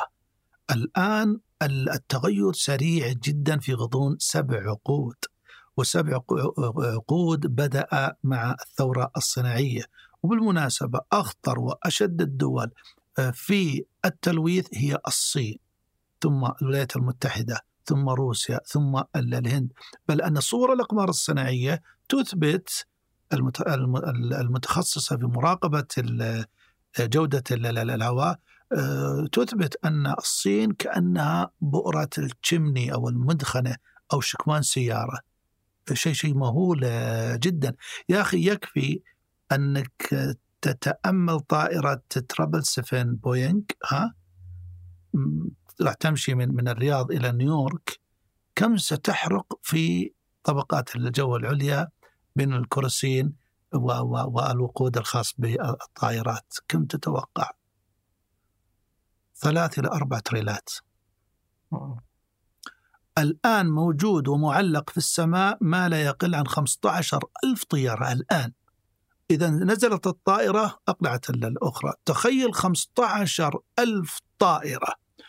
فوق القارات الخمس وفوق البحار والمحيطات على مدى 24 ساعة سبعة أيام 30 يوم 365 يوم في السنة على مدى أكثر من 20 سنة وتزود ما بين طائرات مدنية وعسكرية ما بين طائرات آه، ركاب وطائرات شحن طائرات خاصة وطائرات آه، تجارية. آه، يعني شيء مهول. وتحرق هذه الغازات آه، أكيد سوف تغير من المركبات وأكيد أن السبب هو الإنسان. إحنا غفلنا عن المصانع غفلنا عن قطع الغابات غفلنا عن السيارات. كم كم من من من عشرات الآلاف سنة يوميا تنزل من السيارات الجديدة في في في الأسواق. فهذا دليل واضح وملموس ومقيوس وما لهم مصلحة العلماء يكذبون بالمناسبة. يكذبون عشان ماذا؟ يعني ما لهم مصلحة علشان مثلا يبتزوننا بشيء معين وكذا الموضوع واضح جدا وهناك مراكز علمية مستقلة ومراكز شرقية بالمناسبة وعلماء مسلمين اشتغلوا في الموضوع هذا. ثم آه هذا أمر حتى نجده في البيانات السعودية. يعني بيانات الطقس والمناخ سجلات اللي ذكرنا خمسين سنة نجد فيها فعلا التغير واضح آه، جدا بينما ما شفنا أي بركان انفجر في المنطقة ما شفنا أي تغير في الطاقة الشمسية القادمة من الشمس ما شفنا أي تغير في التيارات البحرية ما شفنا أي تغير كبير على مستوى القارات وعلى مستوى المحيطات والبحار حتى تقول أن الاحترار وال global warming سببه تغير في الأرض، الأرض ما صار فيها تغير، أثبت لي إذا في تغير بسيط. ما في حتى الطاقة حتى الشمس بالمناسبة عليها مراقبة شديدة من مراصد فلكية. مراقبة شديدة وموجودة اونلاين تشوفها الشمس بالصورة ومصورة ودرجة الحرارة والطاقة الكهرومغناطيسية القادمة من الشمس وكل صغيرة وكبيرة في الشمس لو كانت الشمس هي السبب اتضح الموضوع و يعني أعلنوها العلماء ليش يخفون الموضوع هذا؟ طيب آه، هل الدور الآن لحل المشكلة آه، هو على الأفراد ولا الحكومات؟ لو افترضنا أن حكومة أرادت أن تحل ال- ال- الموضوع هذا. ما تستطيع لوحدها. ما تستطيع. مثل ما قلت لك الكوكب الأرض متصل والغلاف الجوي واحد. لذلك لو أتت دولة وقلبت بيوم وليلة السيارات إلى أن تكون كهربائية. وتخيل الطائرات كهربائية وهي لن تكون طبعا لكن خلينا نتخيل طائرات كهربائية سيارات كهربائية وأيضا الطاقة الشمسية أو طاقة الرياح أو طا- طاقة الكهرومائية. وقفلت كل المصانع التقليدية. هل ستسلم من التغير المناخي؟ لن تسلم. طيب جيرانك الهواء مشترك والكتل الهوائية مشتركة. لذلك بريطانيا و- و- واوروبا وعلى وجه التحديد هولندا يعني مضوا بخطوات آه، متقدمة في هذا السياق واستخدموا الطاقة البديلة، الطاقة المتجددة، طاقة الرياح والطاقة الشمسية وحريصين جدا بل وصلوا إلى مرحلة الوسواس في مسألة التلوث من المصانع ومن السيارات لكن لا يعني ذلك أنهم سيسلمون من تلويث الصين أو الولايات المتحدة أو الهند أو روسيا أو حتى البرازيل لأن أجوائنا آه، واحدة. آه، لا بد من تنمية الوعي من قبل الحكومات ومن قبل المؤسسات والمراكز العلمية العالمية والعربية والم- والسعودية في هذا ال- الموضوع عبر المدارس. أهمية ال- أهمية ما قدر الله سبحانه وتعالى في هذه الأرض، الله سبحانه وتعالى يقول: وكلوا واشربوا ولا تسرفوا. ولا تفسدوا في الأرض بعد أصلاحها. 4.6 مليار سنة والأرض الله سبحانه وتعالى يجهز الأرض لبني البشر، يعني قبل أن يأتي آدم مر على الأرض 4.6 مليار سنة حتى يهيئ هذا الكوكب الأزرق الفريد الجميل ال- ال- ال- ال- الذي لا يوجد مثله حتى الآن، ثم جاء آدم عليه السلام- وجاءت ذريه آدم متكامل لا تفسد آه، فيه، لكن الإنسان أفسد خلال العقود السبعه الأخيرة وصار آه، ما ما صار. فلا بد أن هذه الرسالة الشرعية البيئيه تصل إلى النشء من أجل أن آه، يستخدم الموارد اللي وهبها الله سبحانه وتعالى وقدرها في الأرض باقتصاد. شرعيا أكله وشربه ولبسه سيارته تخيل نركب سيارات 400 حصان 600 حصان. الآن بعض السيارات الكهربائية تصل إلى 900 1100 1100 حتى فورمولا ما هي 1100 سيارات آه، فخمة وسيارات عائلية وما يركبها إلا آه، واحد. هنا في إسراف. السيارة الواحدة كم كلفتنا من شجرة كم كلفتنا من ماء كم كلفتنا من حيوان أخذنا جلده وأخذنا مادته كم كلفتنا من بترول وكم سوف تؤثر على الأرض. فلو أخذنا هذه الآية كأيقونة لنا وكفنارة ومنارة وكلوا واشربوا ولا تسرفوا وقوله سبحانه وتعالى ولا تفسدوا في الأرض بعد إصلاحها تعبدا لله سبحانه وتعالى في كل ما آه، نتعاطى آه، حولنا. أنا أشوف هذا آه، هو أو هي الخطوة الأولى لأن ال- المستقبل ليس لنا وإنما للأجيال ال- ال- القادمة. فلا بد أن تستشعر هذا الشعور. أذكر كنت في السيارة في أجزاء من سويسرا وجالسين ناكل سناك بسيط أنا والعائلة. الجو إلى حد ما آه، دافئ. أنا مشغل المكيف مشغل المكيف جالسين في السيارة. ففجأة قرعت ال- النافذة من من رجل سويسري مسن. قال لي كذا.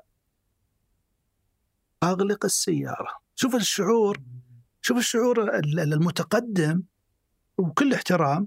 أغلق السيارة. جالسين أنتم ما راح تستخدمون السيارة رجاء لا تلوث.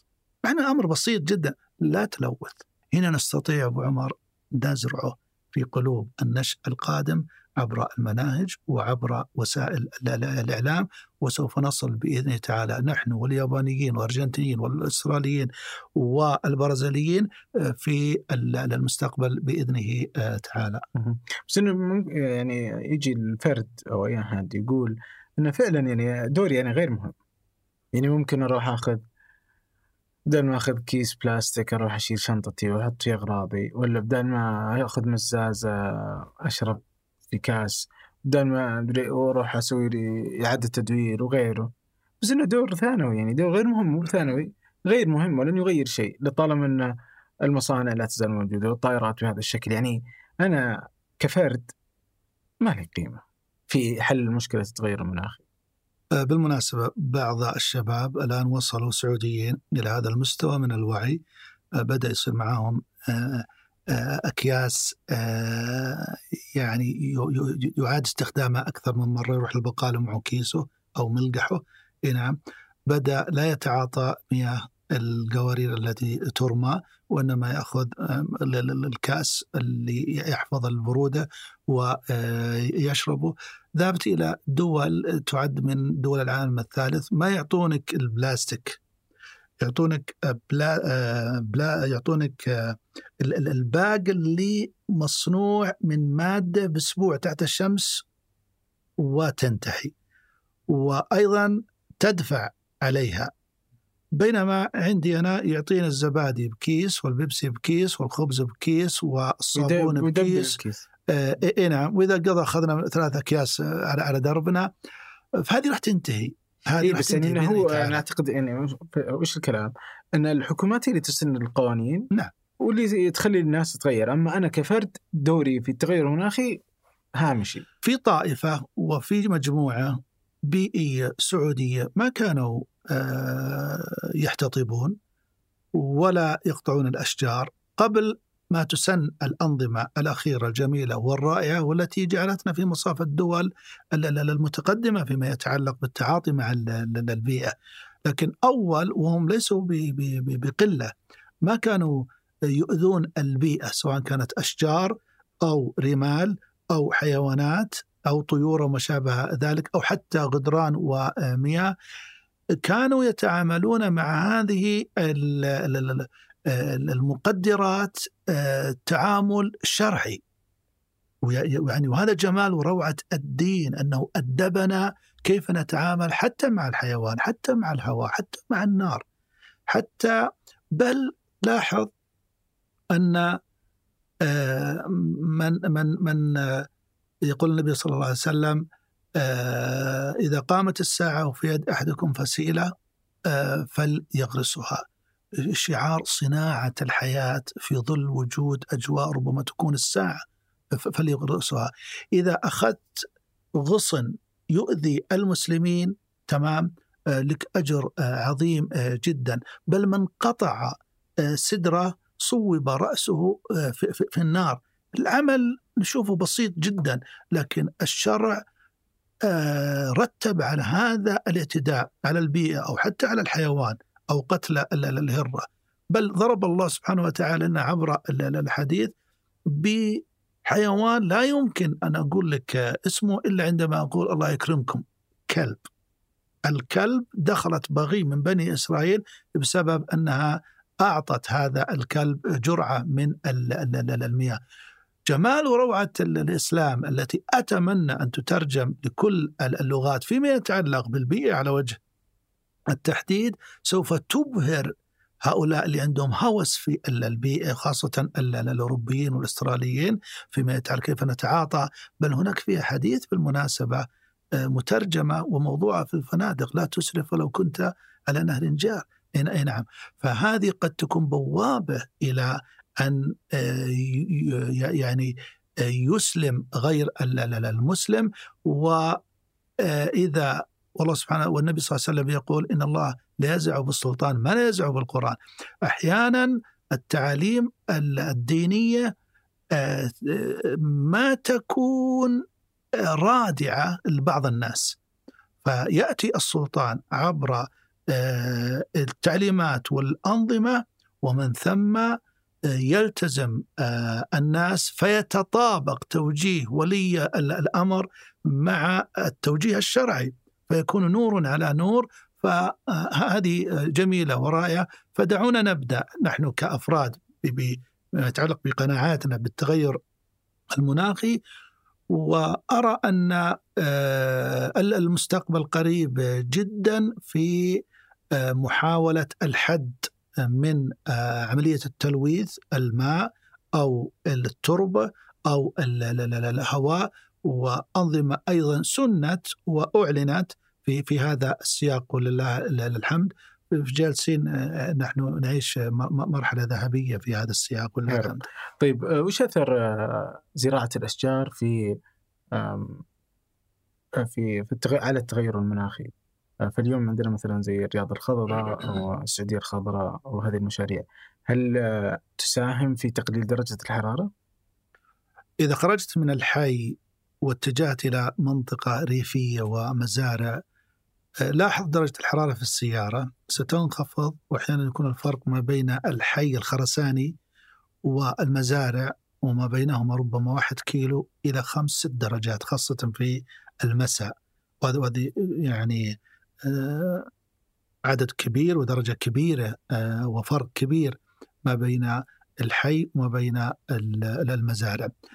لذلك جميل أن نطعم الأرصفة والمنازل بهذه الأشجار عبر مشاريع آه، حكومية كبيرة جدا على مستوى مشروع الرياض الخضراء وهو من أفضل المشاريع في هذا السياق. مر علينا تذكر ما يسمى بأسبوع الشجرة. يعني إلى أربعين سنة والرقعة الزراعية أو الأشجار والتشجير بتراجع بتراجع. والدليل على ذلك لو تشاهد مدارسنا قبل 30 و40 سنة ما تشوف المبنى من الأشجار. وتشوف البلديات وتشوف بعض الجهات الحكومية والشوارع وكأنها غابة. ثم بدأنا بالرجوع. حتى هيأ الله سبحانه وتعالى لنا هذه الرؤية المباركة. فبدأنا بعملية التشجير والتخضير على مستوى كبير جدا. 10 مليار شجرة بإذن الله تعالى سوف تزرع في غضون العقود القادمة. المشروع سوف يبدأ عام 24 إلى عام 2030 ستزرع بإذن الله تعالى وفقا للخارطة الطريق المتعلقة بهذا الموضوع حوالي 900 مليون 900 مليون آه، شجرة. وتم الآن زراعة آه، ما يقرب من 40 تقريبا مليون آه، شجرة. فنحن ذاهبون بهذا الاتجاه. سؤالك هل سوف تغير؟ نعم ستغير النفسيات وسوف تغير من درجة الحرارة. وكلما كثفت الأشجار حول منزلك حول مسجدك حول استراحك الشوارع الميادين كلما آه، حصلت على انخفاض أكثر في درجة الحرارة. كم الدرجة؟ لا أستطيع أن أحدد لأنها تختلف كثافة الأشجار. لازم أن نبالغ وأن نكثف هذه الأشجار فهي آه، خير. وبركة لنا وللطيور ولدرجة الحرارة ويكفي أنها تصفي وتنقي لنا الأجواء وتعطينا آه، مزيدا من الأكسجين. طيب آه، إنك تقول إنه يتغير درجة الحرارة من مكان إلى آخر حتى لو كان على كيلو. ودي يعني هو سؤال يعني ارتبط فيه ضئيل لكن بدي أعرف ليش تتغير درجة الحرارة بين الظهر والعصر؟ تزداد درجة الحرارة رغم أن الظهر تكون الشمس فيه أعلى. إيه نعم يصير العصر دائما أشد حرارة يعني هذه الأقرأ في السيارة عندي. إذا طلعت طال عمرك مثلا تصلي الظهر؟ أنت تواجه آه، أشعة الشمس التي هي في سمت السماء في سمت القبة السماوية يعني فوق راسك تقريبا. والأرض أيضا حصلت على درجة حرارة كافية من شروق الشمس إلى الساعة 12 لكن إذا طلعت تصلي مثلا آه، العصر وأنا أركز على موضوع الصلاة الناس يمشي فيستشعر خلاف اللي بالسيارة يستشعر. راح يقابلك العصر درجة حرارة أو التسخين الأرضي أشد من التسخين الشمس. لأن الأرض أخذت ساعات زيادة حتى تصل إلى آه، ال- ال- ال- ال- البيك وإلى القمة تمام؟ ولذلك درجة الحرارة العظمى متى تسجل؟ ما بين ثنتين إلى أربع الساعة الثانية ظهرا إلى أربع.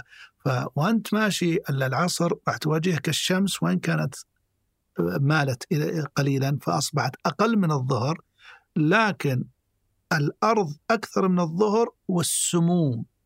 الهواء خلاص تشبع من الحرارة فيلفحك السموم فتواجه آه، ضيق وحرج. العصر أكثر من الظهر. عجيب.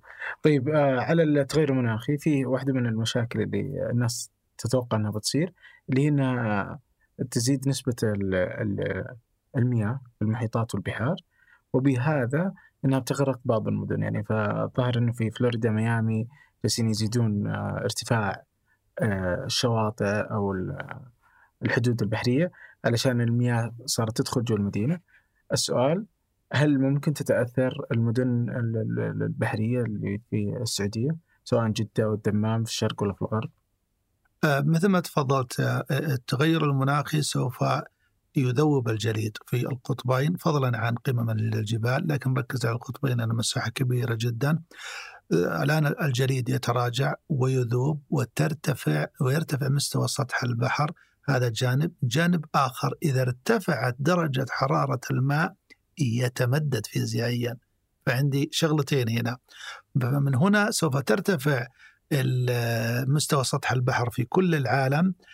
آه، عندك الإسكندرية مرشحة، جزر الإمارات مرشحة، المالديف، كلكتا، نيويورك، آه، هولندا، أجزاء من إسبانيا، كلها مرشحة أنها ستغرق. لكن السعودية والساحل الشرقي والغربي لم يذكروا في تقرير علمي انها أن هناك مدن سوف تغرق وما ذاك إلا أنها مرتفعة قليلا حتى لو ارتفعت خمسة متر آه، كافي حتى لو ارتفعت أربعة متر كافي. لكن هناك بعض الجزر بعض المناطق وعندهم المد أحيانا يكون في مبالغة في المد في بعض المناطق. هذه سوف تكتسح هذه الجزر أو هذه آه، السواحل. فمن هنا تأتي المشكلة وبالمناسبة م- موضوع التغير المناخي. بيل جيتس فكر بفكرة مجنونة علشان يخفض درجة الحرارة ويكفينا من آه، ال- المخرجات السلبية ل- وهي كثيرة للتغير المناخي.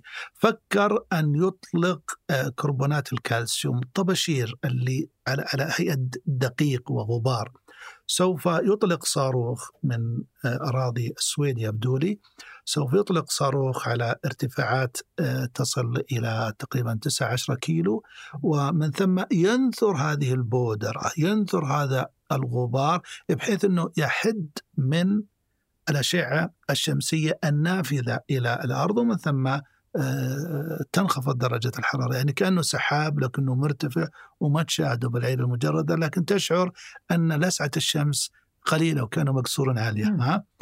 طبعا هذا عبث هذا هذا هذا عبث لأنك لا تعلم عن النتائج و و و و ولا يمكن إنك تسوي موديلز ممكن تعطيك النتائج أنت ممكن آه لأن في الشتاء وش راح يكون آه مصيرنا بالذات في شمال أوروبا سوف تنخفض درجة درجة الحرارة أكثر، سوف تتمدد العواصف الثلجية أكثر، سوف تتغير مراكز الضغوط الجوية، فما ندري وش اللي يبي يصير في في في في النظام العالمي المناخي بسبب هذا ال- ال- ال- العبث المؤثر على افتراض ماذا؟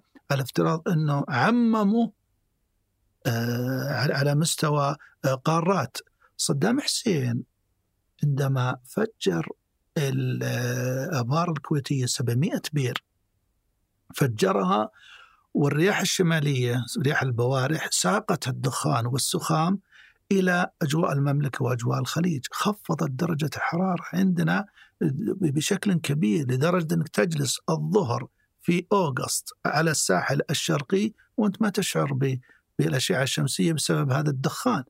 بل أن السخانات آه، ال- المياه يعني م- مشغلة في الكويت في عز الصيف نظرا للسواد ال- العظيم فأي عبث في المناخ بالشكل هذا آه، راح تكون نتائج ربما آه، سلبية وهذا يقودنا إلى مقترح سعودي تحت اسم مروج للأستاذ صالح الستيري والذي حاول أن يفكر بإعادة الأمطار الصيفية في أجواء السعودية وإعادة البحيرات في القيعان والمنخفضات والسبخات والأودية ملأى بالمياه.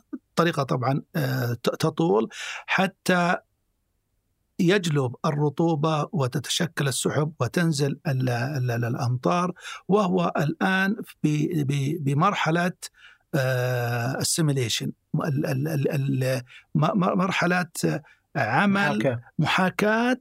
لهذه لهذا النموذج. هل فعلا آه، ستستطيع هذه هذا التدخل البشري المكلف وأيضا الكبير على مستوى شبه قارة أن يعيد الأمطار آه، صيفا أو على الأقل إن لم تتشكل السحب وتنزل الأمطار على الأقل هل ستخ... هل سيخفض؟ لأن من أهدافه تخفيض درجة الحرارة بطريقه غير التشجير وإنما بطريقة التبخير. ممكن اننا نعمل آه مثل الكنديشن الصحراوي.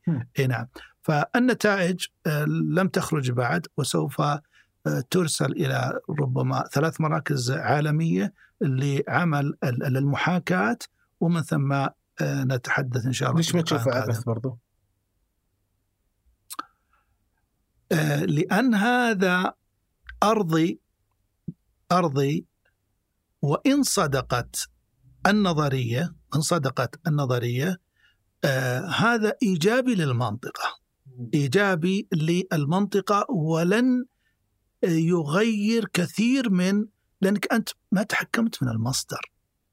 أنت ما رحت للشمس وقصرت عليها. نعم. لأن المصدر من الشمس كل ما يجري في الغلاف الجوي اللي حركه بعد الله سبحانه وتعالى هذا النجم وهذا الا وهي الشمس. بينما أنت هنا مثل ما تسوي ستيم والبخار هذا أو ترش الأرض علشان يجيك براد أو تشغل صحراوي أو مكيف يبردك مو عبث بقدر إنك ما راح تغير آه، ال microclimate المنطقة المحدودة من أجل إنك تنبسط أو من أجل إنك تزرع فالتغيير محدود في فكرة الأستاذ صالح أستيري لكن هل تنجح أو لا هذا ننتظر نتيجة المحاكاة. طيب وش أثر يعني سد النهضة على الاجواء في السعودية؟ اللي في إثيوبيا, أثيوبيا. آه بعد ما آه تم بناء السد وهو ربما تاسع سد في العالم ضخم عملاق كبير جدا آه، سيخلف خلفه آه، بحيرة بحيرة النهضة البعض يقول أن مناخ المملكة وخاصة الجنوب الغربي سيتغير وسوف تكثر الأمطار بسبب هذه البحيرة نقول لهم المقياس جدا صغير. بحيرة ناصر أقرب للسعودية من النهضة. هذه تقريبا بعدها 500 كيلو النهضة بعدها 1000 كيلو. بحيرة ناصر تقريبا خمسة آلاف كيلومتر مربع خلف السد العالي جنوب مصر. بينما سد النهضة يصل تقريبا إلى 240 ألف كيلومتر مربع. فخمسة آلاف مقابل النصف البعد 500 كيلو مقابل الضعف 1000 كيلو. ومع ذلك ما شفنا بحيرة ناصر لا جابت لنا سحب ولا على مصر ولا شمال السودان ولا على ينبع ولا على أملج ولا على المناطق المحيطة. فلا يوجد أثر لبحيرة وإن كانت كبيرة لكن على مقياس البحر الأحمر الخليج العربي بحر العرب المحيطات يعتبر ولا شيء. مثل إنسان يقول أن حديقة آه، اللي فيها البحيرة جنوب الرياض. نسيت والله اسمه. آه، أن هذه الحديقة سوف تؤثر على مناخ الرياض. لا لا يمكن. لا تمثل ولا واحد بالألف المساحة. فلا يمكن هذه المساحة البسيطة أنها تؤثر على آه، مناخ آه، الرياض. طيب حديقة الملك سلمان؟ حديقة الملك آه، سلمان. هذا هذه ال- ال- الرقعة الخضراء التي سوف آه، تحتل كل مساحة المطار ال- القديم بل وتعد أكبر حديقة صناعية في ال- ال- ال- العالم. تمام. اكبر حديقة داخل مدينة في العالم. آه، نعم. هذه الحديقة بإذن الله تعالى سوف تنخفض درجة الحرارة. إذا خرجت من الملز مثلا ولا من الروضة ولا من السليمانية درجة الحرارة خلينا نقول مثلا 40 ثم توسطت إلى حديقة الملك آه، سلمان سوف تنخفض ربما خمس آه، درجات شريطة أن لا يكثر البناء. إذا كان في بناء ومسطحات مبنية أو ممرات بألوان داكنة آه، هنا سوف تعاني الأشجار التي سوف تخفض درجة الحرارة. أني عندي ألوان تمتص أشعة الشمس وعندي مباني جالسة تشع علي أو آه، تشع علي حرارة أو هناك آه، أقواس حديدية والإكثار من عمل آه، واستخدام ال- الحديد لأن الحديد تجلس إلى ساعتين ثلاث ساعات بعد الغروب وزي الدفاية جالس يشع. إي نعم.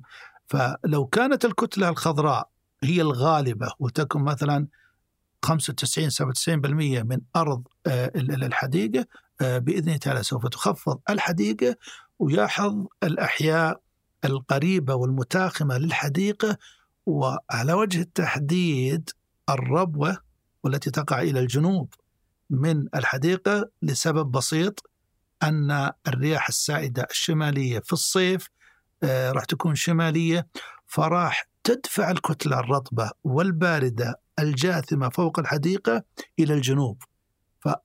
فأول حي يستقبل حي الربوة تتوقع بزود سعر المتر؟ أتوقع. هنا التوقعات محترمه طيب آخر حاجة إنه في كثير يعني منهم علماء أو آه، يعني رجال أعمال اللي يرى بأن ال- الكوكب يعني خلاص آه، يعني مآله للدمار. ولذا مثلا تشوف مثلا زي مشروع سواء اللي تشتغل عليه ناسا أو حتى سبيس إكس في آه، أنه يكون في مكان آخر غير كوكب الأرض واللي هو المريخ مثلا. متشائمين بزيادة ولا منطقيين وواقعيين؟ جدا متشائمين. والله سبحانه وتعالى لم يخلق حسب علم العلماء الذين اكتشفوا 4700 كوكب إلى الآن خارج نطاق ال- ال- المجموعة الشمسية. لم يكتشفوا أي كوكب آه، مناسب إلى أن يكون فيه حياة أو سكن خاصة المجموعة الشمسية آه، لا المريخ ولا غيره. مكلف جدا جدا وإن وصلوا للمريخ في عام 2030 أو قريبا من هذا وكالة الفضاء الأمريكية ناس شغالين الآن. شغالين تجارب محاكاة وشغل. نعم إن وصلوا سوف آه، يعملون مستوطنات مغلقة فيها يع- يعني حياة صناعية من إلى وزراعة يعني آه، د- د- دقيقة آه، جدا. والأمر هذا أمر الكوكب سيبقى إلى قيام الساعة والبشر سيبقون إلى قيام الساعة ولن يكون هناك دمار شامل. حتى قبل 65 مليون سنة عندما رجمت الأرض بنيزك عظيم كبير هو الأكبر في السجلات التاريخية ضرب إلى المكسيك وجزء من خليج المكسيك فقضى على 65% يقول العلماء من الحياة وأبقى الله 25% ومن الديناصورات بالمناسبة أبقاها الله سبحانه وتعالى لنا حتى نرى هذه الفترة. قل سيروا في الأرض فانظروا كيف بدأ. الخلق. كلما تعمقت بهذه العلوم وبهذا آه، وبتاريخ ال- ال- الأرض إيمانك ي- ي- يتعاظم كيف أن الله سبحانه وتعالى آه، خلق هذا ال- الكوكب بهذا الشكل وهيئه لبني ال- البشر.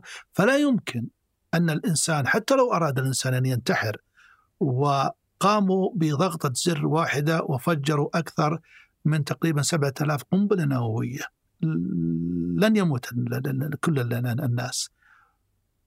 بإمكان 70% 80% إلى 90% وإن كان السيناريو هذا غير وارد دعنا نقول انجنوا. دعنا نقول أرادوا الانتحار إلى أو على افتراض Grendizer. جانا آه، مخلوقات فضائية وأرادوا أن يحاربونا. لن يقضوا علينا لأن ال road map الشرعية خريطة الطريقة القرآنية أخبرتنا ان سوف نبقى إلى قيام الساعة. نعم. وأخبرنا الله سبحانه وتعالى أن هناك علامات صغرى لم تحصل إلى الآن. بعض العلامات الصغرى لم تحصل. وعشر علامات كبرى لم آه، تقع. الافساد قد يكون. زوال البشر سواء عبر وباء مصنع حتى يقضوا على 8 مليار إلى 3 مليار ربما يصير هذا. اي نعم ممكن. آه، كارثة كونية رجم من السماء ممكن. آه، التغير المناخي ممكن أنه يتفاقم ونموت من شدة البرد أو الحر أو الجوع الله أعلم.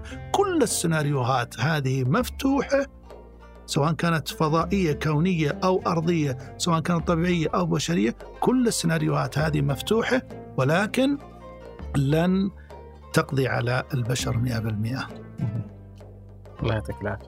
الله يعافيك. شكرا لكم وشكرا لعمر الشنقيطي وأيمن الحمادي واسيل عبد الله في اعداد هذه الحلقة. والشكر كذلك لوهاب موسى خلف الكاميرات وعبد المجيد العطاس في التلوين وفي التسجيل الصوتي عبد العزيز المزي والهندسة الصوتية محمد الحسن وفي إدارة محتوى التواصل الاجتماعي نورة السبيعي هذا فنجان أحد منتجات شركة ثمانيه للنشر والتوزيع ننشر كل الإنتاج بحب في مدينة الرياض. الأسبوع المقبل القاكم في سؤال صح نسيت يعني هو سؤال خارج الحلقة لكنها لطيفة أنت تقول أن الصواعق إنها ما ت... إن الجوال ما يجذب الصوت آه، يسجل ولا لا يسجل. يدخل بال إيه. إيه. وإن السيارة امن من البيت شلون؟ آه اولا إذا اشتريت أنت أي جهاز في الكتالوج.